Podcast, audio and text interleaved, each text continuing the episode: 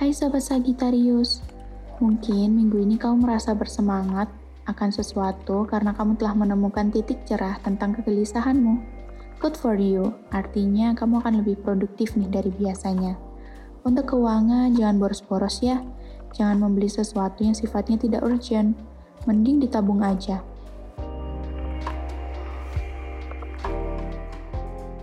Percintaan untuk Sagi Lovebird. Jangan biarkan dia bertanya-tanya apa penyebabmu berubah. Dia bukan dukun tahu. Daripada awkward berlama-lama, mending utarakan deh. Percintaan untuk sobat Sagittarius yang masih single. Kau masih happy seperti biasanya, karena teman dan keluargamu nggak pernah mencampuri urusan percintaanmu.